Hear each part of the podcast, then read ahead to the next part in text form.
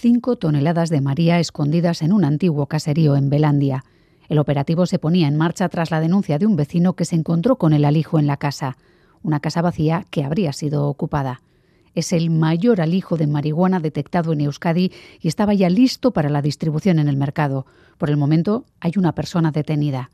Pero esto es una operación singular o la muestra de que nuestra escarpada orografía esconde plantaciones de droga escondidas de las miradas de vecinos y policía.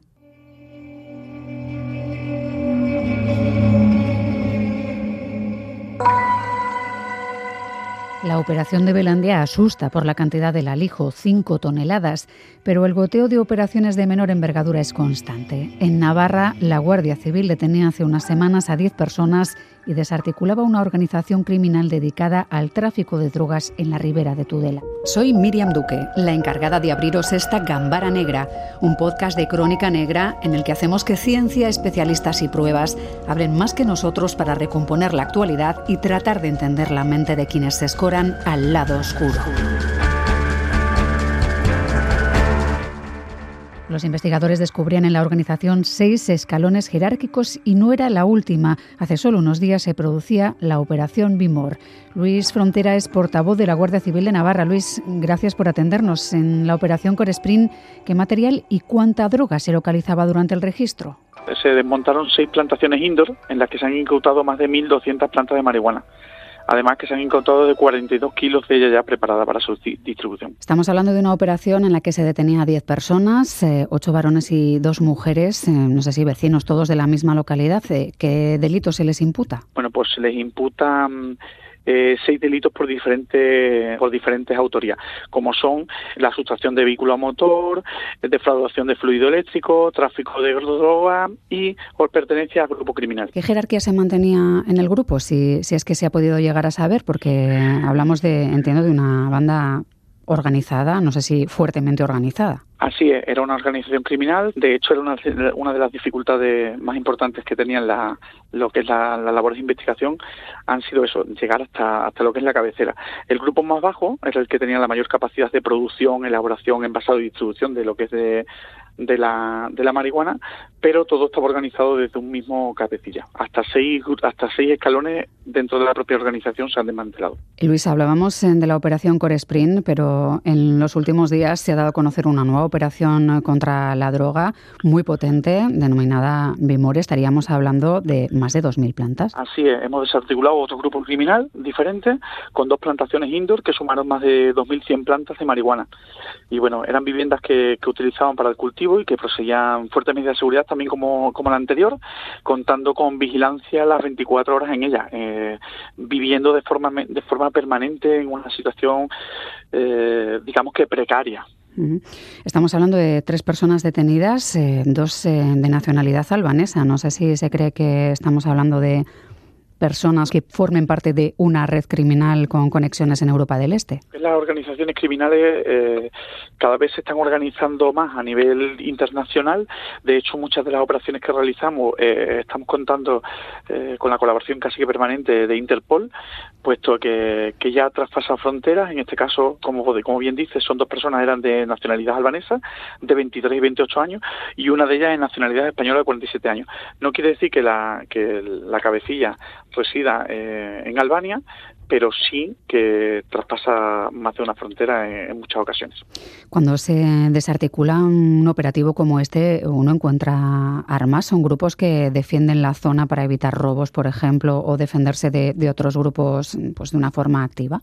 Afirmativo. En este tipo de, de plantaciones suelen contar con, con, vigilancia y no vigilancia de, de, solo de cámaras, que también cuentan con ella, sino de, por ejemplo, en este caso, la de la operación Bimor, contaba con personal que vivía 24 horas dentro, es más, no salían ni siquiera para, para comprar alimentos, todos se lo llevaban y contaban con, con armas, le hemos cogido machetes eh, y, en fin, diverso, diverso material de, de autodefensa eh, que en muchas ocasiones es para defenderse entre, entre de otras bandas en este caso. Pero eh, se menciona la posibilidad de que la colaboración ciudadana ayude a, a desarticular este tipo de, de plantaciones. ha sido efectivo en este caso, por ejemplo? Así es, miren, eh, la colaboración ciudadana resultó fundamental porque dio, dio, inicio a las investigaciones cuando a principios de julio se recibió pues, una llamada en el teléfono de atención ciudadano del Guardia Civil 062 en el que nos informaba de que una vivienda unifamiliar en la que eh, la localidad Navarra dando silla, bueno, pues emanaba un extraño ruido constante tanto de día como de noche. Bueno, pues ahí se inició una, se fueron a comprobar a ver cuál era la problemática que podía suceder en ese domicilio y se observó algo de algo de luz. Entonces, bueno, lo que es el equipo territorial de Policía Judicial de Guardia Civil se hizo cargo de la de la que las primeras pesquisas y se pudo observar que que las personas que, que merodeaban esta vivienda tenían, tenían ya antecedentes de hechos delictivos de características similares. Claro, porque estamos hablando de, de múltiples factores, eh, también el de defraudar fluido eléctrico, porque normalmente estas plantaciones indoor consumen mucho, se enganchan ilegalmente a las redes, estaríamos hablando de una cantidad, eh, digamos, de unos 53.000 euros, ¿no? Lo que habrían estado usurpando de fluido eléctrico sin, sin pagar. Así es, la luz es costosa y también es costosa para ellos, no solo para el domicilio día a día, así que el, engancharse al, a, la, a, la, red eléctrica general es bastante frecuente. ¿La droga incautada en este operativo en Vimor estaba preparada ya para salir al mercado de inmediato? Muchas de ellas, eh, había en la plantación había diferentes estados de, de, floración y algunas de ellas en su estado máximo de, de floración, eh, lo que estaba para recolectar en muchos de los en muchos de los casos. No obstante, este tipo de plantaciones indoor llegan a cumplir hasta cuatro ciclos anuales dentro de las plantaciones. Entonces, estas organizaciones lo que hacen es van cultivando por fases, por decirlo así, para siempre mantener un nivel mínimo de, de explotación. Calculamos que, que, la organización tenía una capacidad de producción estimada de unos 100 kilos de cogollo valorada en 220.000 euros. ¿Creéis que se ha cortado ya de raíz con, el, con la actividad de, de, este grupo o puede que haya todavía personas que pudieran ser detenidas en, en la investigación? En esta investigación la damos ya por concluida, puesto que creemos que hemos consideramos que hemos cogido la cabecilla, eh, pero no obstante seguimos trabajando en otras líneas de investigación, eh, puesto que al final existe un existe una una demanda y, por lo tanto ya habrá seguro que otro grupo delictivo eh, planteándose en ocupar ese espacio. Pues Luis Frontera, portavoz de la Guardia Civil de Navarra, muchísimas gracias por contarnos la última hora de esa operación Bimor. Muchísimas gracias, hasta la próxima. Hasta la próxima, un saludo. Un saludo.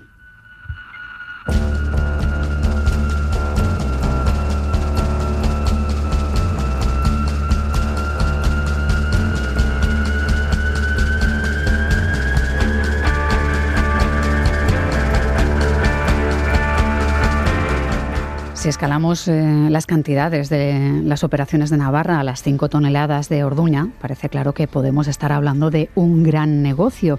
Y esto nos lleva a pensar en la existencia de mafias organizadas que puedan ganar millones cultivando droga. También en nuestro entorno más cercano, pues sobre eso queremos seguir profundizando en los próximos minutos. Carlos Basas es escritor y está especializado en novela negra. Hola Carlos, ¿qué tal? ¿Cómo estás? Hola, ¿qué tal? No sé si de marihuana o de mafia con las drogas eh, que mueven muchísimo dinero, se mueve mucho en, la literatura. Sabemos que en el cine sí, no sé si en la literatura también hay grandes momentos relacionados con, con este argumento. Sí, sí, sí, es un, es un tema recurrente y uno de los clásicos. Eh, tanto en versión A, es decir, gran, gran narcotráfico pues, ambientado en Estados Unidos, la frontera mexicana, Colombia, etcétera, no únicamente tratado por norteamericanos como Don Winslow, por ejemplo, que se me ocurre desde El poder del perro, etcétera, que tiene una, unas novelas fantásticas sobre narcotráfico, también tratado por eh, mexicanos como Elmer Mendoza, pero también aquí en España.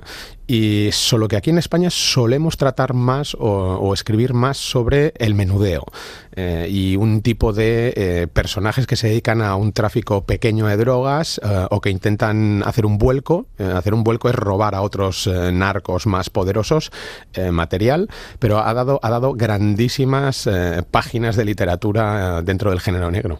Nos acompaña también Iñaki Irusta, ex jefe de la Policía Científica de la Erchancha. Lo ha sido durante décadas. Cayo Iñaki, ¿qué tal?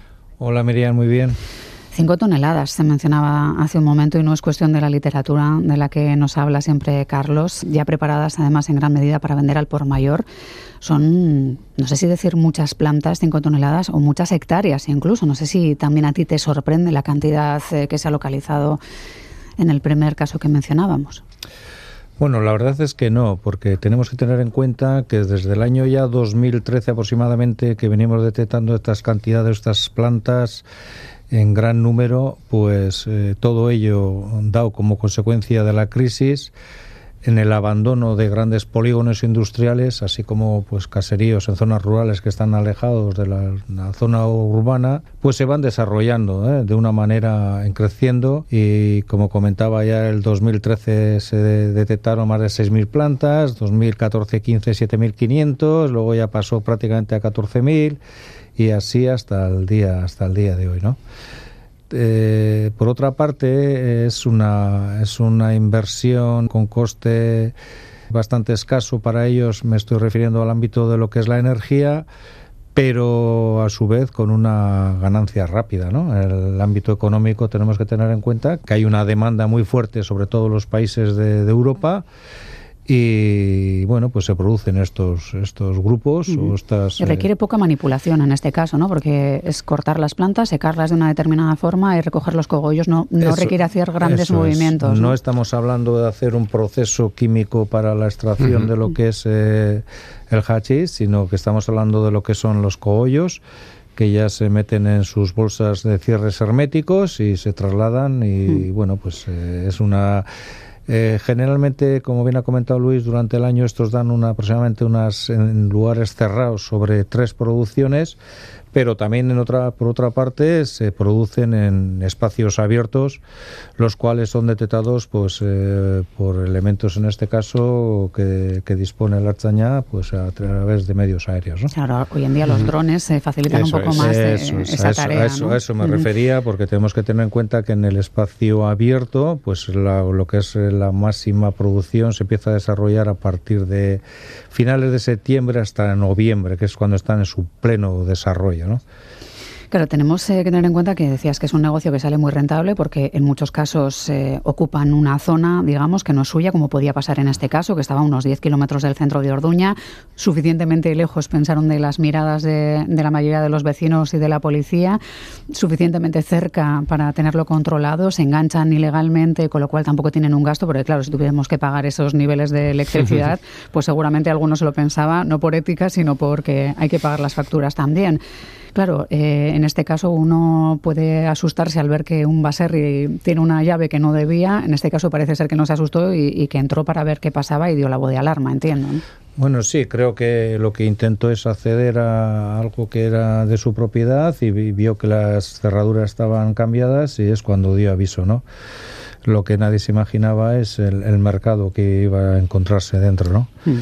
Eh, como bien comentabas, al final estamos hablando de una rentabilidad económica de, casi mil euros por kilo de cogollos de estos. Por lo tanto, eh, estamos hablando de mucho dinero. ¿eh? Estamos hablando de millones de euros haciendo el cálculo y millones de euros que en principio han sido detectados y localizados, pero ¿quién dice cuánto tiempo ha estado produciendo esa... Hmm. esa es mucho dinero y eso suele significar, ya las hemos mencionado, armas para proteger que nadie robe, porque suele haber, eh, no en las plantaciones indoor, pero sí cuando son en exterior, un momento crítico. Eh, entiendo, Carlos, que tú ya sabes por dónde voy. Eh, en el momento en que se va a cosechar, en los momentos previos, se producen muchos robos en algunos lugares. Quizás no cuando hablamos de producciones tan masivas, porque ya entiendo que imaginarán que estamos hablando de, de, cuestiones muy peligrosas, pero sí se suelen producir robos y se han producido en algunos momentos ataques, ¿no? De quien trata de defender la plantación plantación para evitar el robo y ha habido momentos serios. Sí, hemos tenido, hemos tenido en varias eh, localidades de Vizcaya, de Guipúzcoa, de Áraba.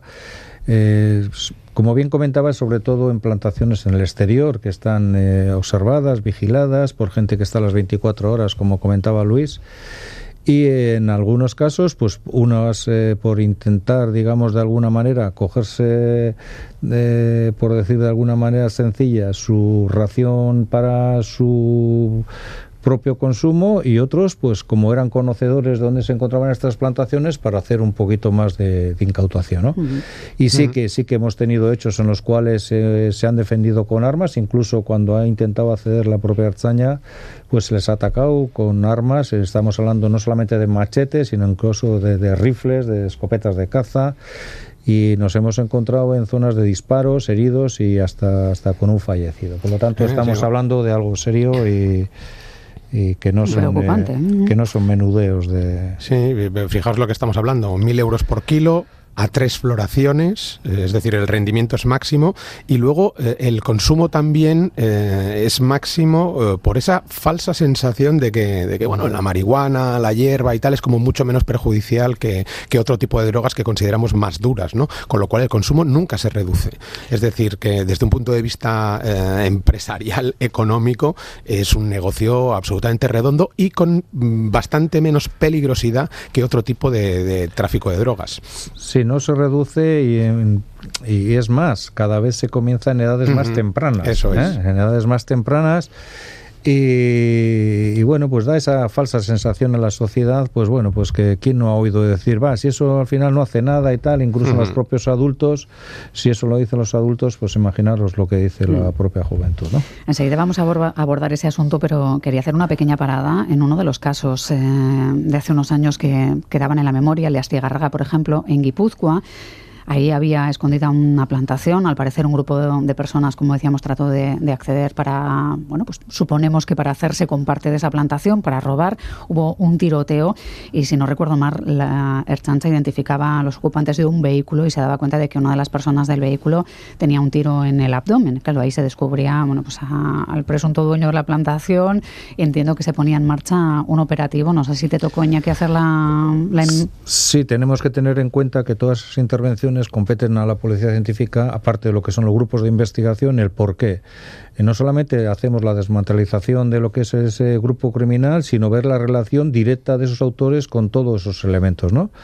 Eh, lo que es la inspección ocular, eh, lo que es la extracción de, huellas, de ADN, demás elementos que conllevan toda una inspección ocular. Asimismo, hay, pues, eh, de manera inicial se comentó por parte del que estaba realizando la vigilancia, podría ser, pues bueno, pues creyó que eran animales, jabalíes, que accedían y más, disparó. Tienes que demostrar, tienes que demostrar ahí a través de de todo elemento de, trayectoria de disparos, que efectivamente la finalidad y el conocimiento, los grados eh, que había de luz, de visión y todo lo demás, que no es así. Entonces eh, ahí está la eh, la, intervención que se debe desarrollar por parte de los componentes de policía científica. Claro, da miedo pensar, Iñaki, que si por 13 kilos, que, es mucho dinero en el mercado, pero son 13 kilos, se puede llegar a pensar en tiroteos y desencuentros fuertes entre bandas o entre grupos eh, delincuenciales, que no podrá pasar cuando estamos hablando de toneladas. Si una puede pensar con cierto manejo de causa que existen mafias o conatos de, mafias o que se mueve demasiado dinero con las drogas hoy en día en nuestro entorno cercano. Sí, de hecho, algo he leído en los medios que el, que el detenido ha trasladado como que algún problema va a tener el que el que ha descubierto que en principio igual era hasta, hasta el propio titular de la vivienda, pero aquí ya sabemos, cuando estamos hablando de esas cantidades, esos importes económicos, lo raro y lo extraño de todo esto es que, solo hubiese, careciendo de más datos, ¿eh? como tengo, pues una persona en este caso viendo el volumen y la cantidad de, hmm. marihuana que había. Sí, una tiene en la cabeza la imagen de que probablemente ah. había mucha más gente vigilando 5 toneladas de, droga. Hmm. Queríamos saber si es una delincuencia más peligrosa de lo que pensamos y también queremos reflexionar sobre si son drogas más peligrosas de lo que pensamos.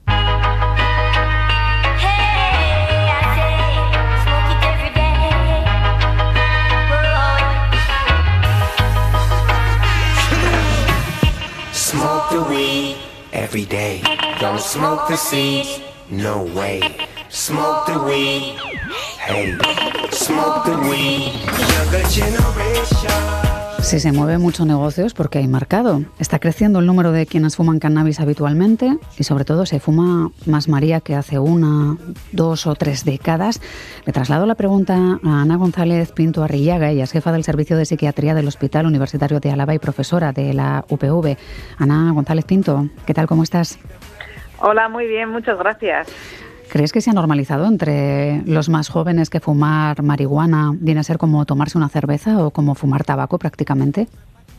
Pues sí, la verdad es que eh, está totalmente banalizado el consumo de, cannabis, ¿no? Es eh, curioso porque nosotros, por ejemplo, que investigamos en el uso de cannabis por parte de pacientes, muchas veces tenemos que hacer un estudio con controles, con personas que no tienen enfermedad mental y el consumo en esos controles eh, es altísimo también, ¿no? O sea, que es, sorprendente.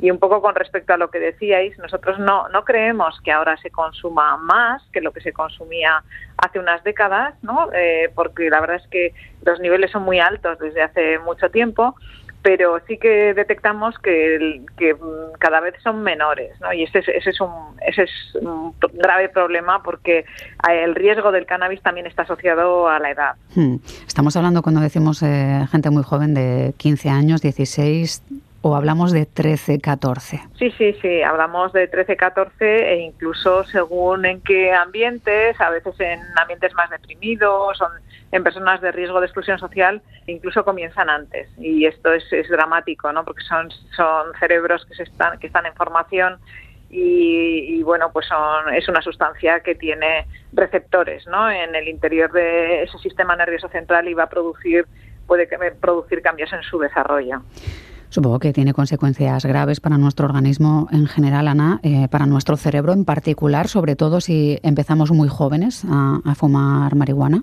Sí, sí, sí, hay un claro, hay una clara asociación con el, con la edad en cuanto a lo que es el desarrollo cerebral. Hay que pensar que el desarrollo cerebral más eh, importante finaliza aproximadamente hacia los 24 años, ¿no? Entonces no sería desde luego recomendable el consumo en esas edades y especialmente antes de los 18, que es cuando se producen los cambios mayores, ¿no? Pero el, cerebro continúa desarrollándose y aunque luego siempre está en continuo eh, digamos, poda y, crecimiento, ¿no? Siempre está, es algo dinámico como toda, toda la vida pero, y nunca es bueno, ¿no? El consumo de drogas en ninguna edad, pero bueno, no es lo mismo consumir cannabis con 30 años o con 40 años que hacerlo cuando uno es menor de edad. ¿Cuánto engancha fumar porros o, fumar marihuana? Se, ha hecho el cálculo porque ya sabemos que fumar tabaco, que bueno, pues digamos que es una droga legal, engancha mucho, que si costase lo que cuestan otras drogas tendríamos serios problemas delincuenciales probablemente.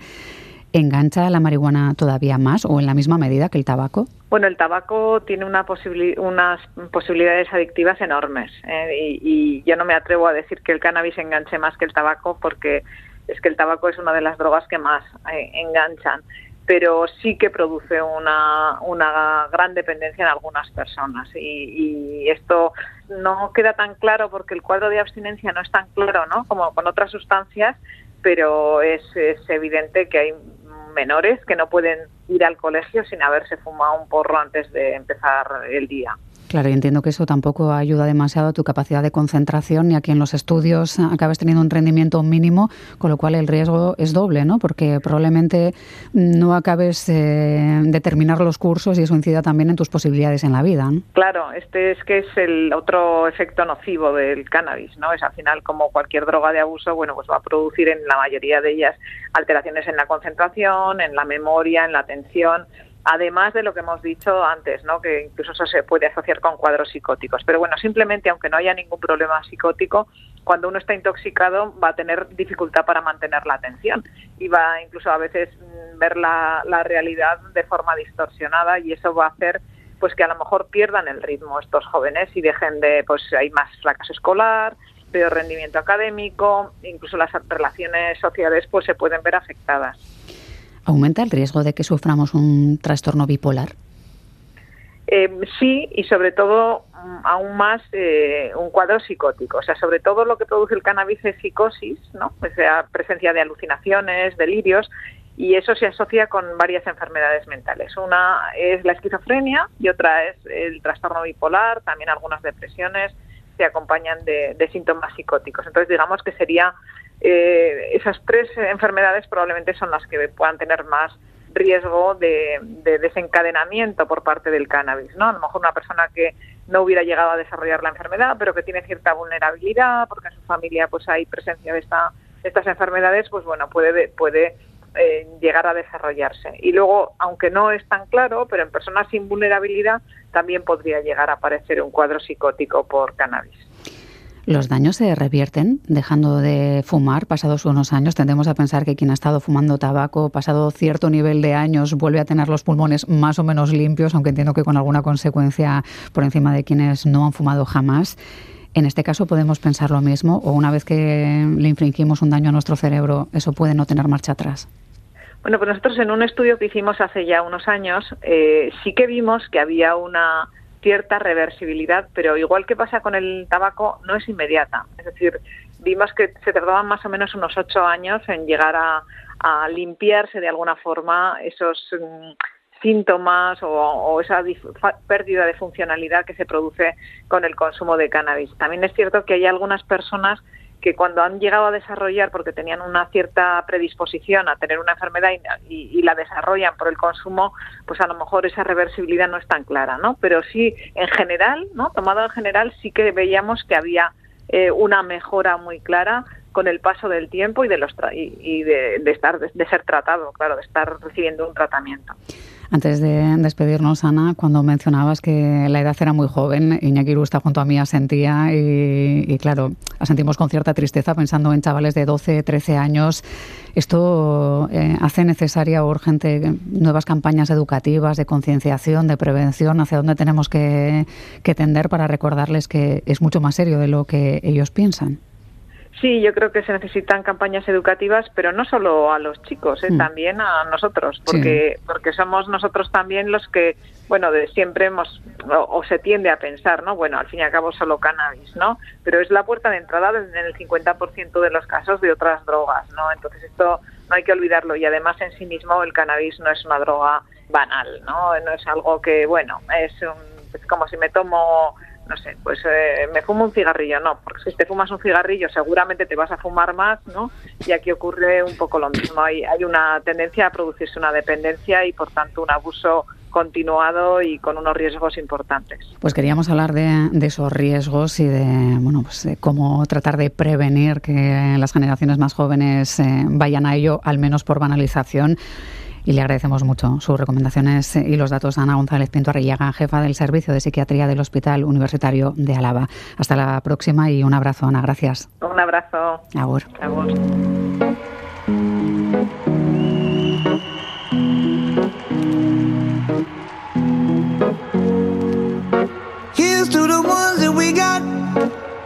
To the wish you were here, but you're not. Cause the drinks bring back all the memories of everything we've been through. Toast to the ones that Haremos un apartado que llamamos basado en hechos reales y hoy Carlos quiere acercarnos a la dura historia que narra Texas Killing Fields. There was a path that came through here and some kids were actually riding dirt bikes and they got a foul odor. And they went up to it and it was a girl.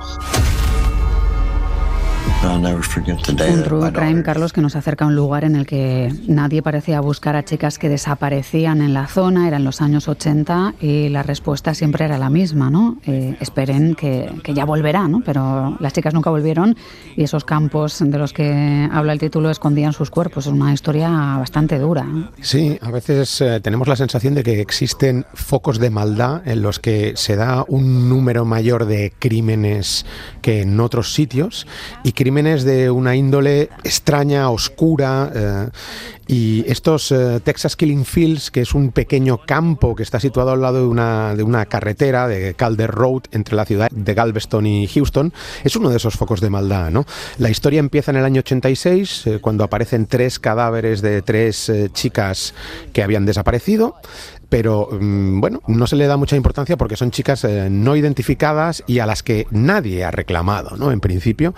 Eh, sin embargo, Cinco años después, en el año 91, desaparece eh, otra chica, eh, luego otra, luego otra, hasta que una niña, prácticamente entre la edad de, niña y adolescente, que sí tiene familia, que sí forma parte de la comunidad, también desaparece misteriosamente. ¿no? Es ahí cuando eh, empieza a convertirse en algo mediático, cuando incluso entra el FBI para hacer un perfil del posible criminal de estas chicas desaparecidas eh, y muertas y se acusa a un ingeniero de la NASA eh, que ha participado en el diseño de cohetes de la carrera espacial, que vive y que tiene una granja de caballos justo al lado de, ese campo de, la muerte. ¿no? Eh, sin embargo, pues bueno, no logra demostrarse nada eh, y a pesar de la vigilancia a la que someten este hombre, siguen apareciendo en años sucesivos más cuerpos, más cadáveres de mujeres. ¿no? Entonces hay alguien que inicia una investigación, se va hacia atrás en el tiempo y descubre que estas desapariciones en los Texas Killing Fields, en este campo de Calder Road, se remontan a los años 70. Estamos hablando de 35 mujeres desaparecidas o muertas desde finales de los 70 hasta finales de los 90 y cuyos cadáveres aparecen distribuidos a lo largo de un área muy concreta, ese foco de maldad que nos hace pensar en que no únicamente hay un asesino, sino que hay un grupo de asesinos eh, que se dedican a eh, matar a mujeres invisibles. Carlos, es eh, decía una cuestión dura la que se trata en, este documental y además está basada en algo que quizás por las series y por las películas Iñaki muchas veces se ha asumido, que es eh, aquello de que cuando desaparecía alguien joven había que esperar 24 horas antes de denunciar para empezar con los procedimientos. Nunca volvían. es, decir, en el fondo hay, hay una desidia por parte de, la policía de estos condados, incluso de estos estados en, Estados Unidos. ¿no? Por eso te digo que todo cambió en este caso cuando desapareció aparece una, una chica que es, bueno, eh, una niña de 12 años de una familia muy asentada en, en la comunidad, ¿no? Entonces es cuando estalla. Mm. Y lo que decías de los secuestros, es uno de los tópicos que más daño ha hecho, yo creo, si alguien cree que, y así le llama la policía, cree que la desaparición de alguien es una desaparición inquietante, no hay que esperar 24 horas. Eso, es mentira. Es decir, uno debe acudir a la policía y decir, bueno, ha pasado esto, explicar el caso y ellos determinarán si realmente es inquietante y la maquinaria se pone en marcha enseguida, porque es muy importante. Me, venía a la cabeza Iñaki Esther López, de que se cumple un año de su desaparición. También tardaron unos días en denunciarlo porque, bueno, pues en alguna ocasión había estado de fiesta. Claro, yo creo que eso cambió un poco el rumbo de la investigación, ¿no? El que nos relajáramos en los primeros momentos, porque probablemente la hubieran encontrado. Sí, yo creo que, como bien ha comentado Carlos, esas 24 horas son cruciales y, cada vez hay más concienciación, ¿no? No podemos esperar, no debemos esperar porque todo ese tiempo perdido es un tiempo de no reacción por nuestra parte a la hora de lo que es la parte de la investigación y son momentos cruciales. Eh, desgraciadamente fue tarde. Eh, fue tarde, efectivamente. ¿no? no hay que esperar, no hay que esperar. Pues se han descartado aquello de esperen 24 horas. Hay que alertar en cuanto creemos que alguien ha desaparecido y no lo ha hecho por voluntad, porque ha podido tener un accidente o estar alejada de, de su camino por, porque alguien ha querido que sea así. Carlos Basas, como siempre, muchísimas gracias y un abrazo a vosotros. Y también a Iñaki Irustas, que recasco, ¿eh? A vosotros, bye. Agur.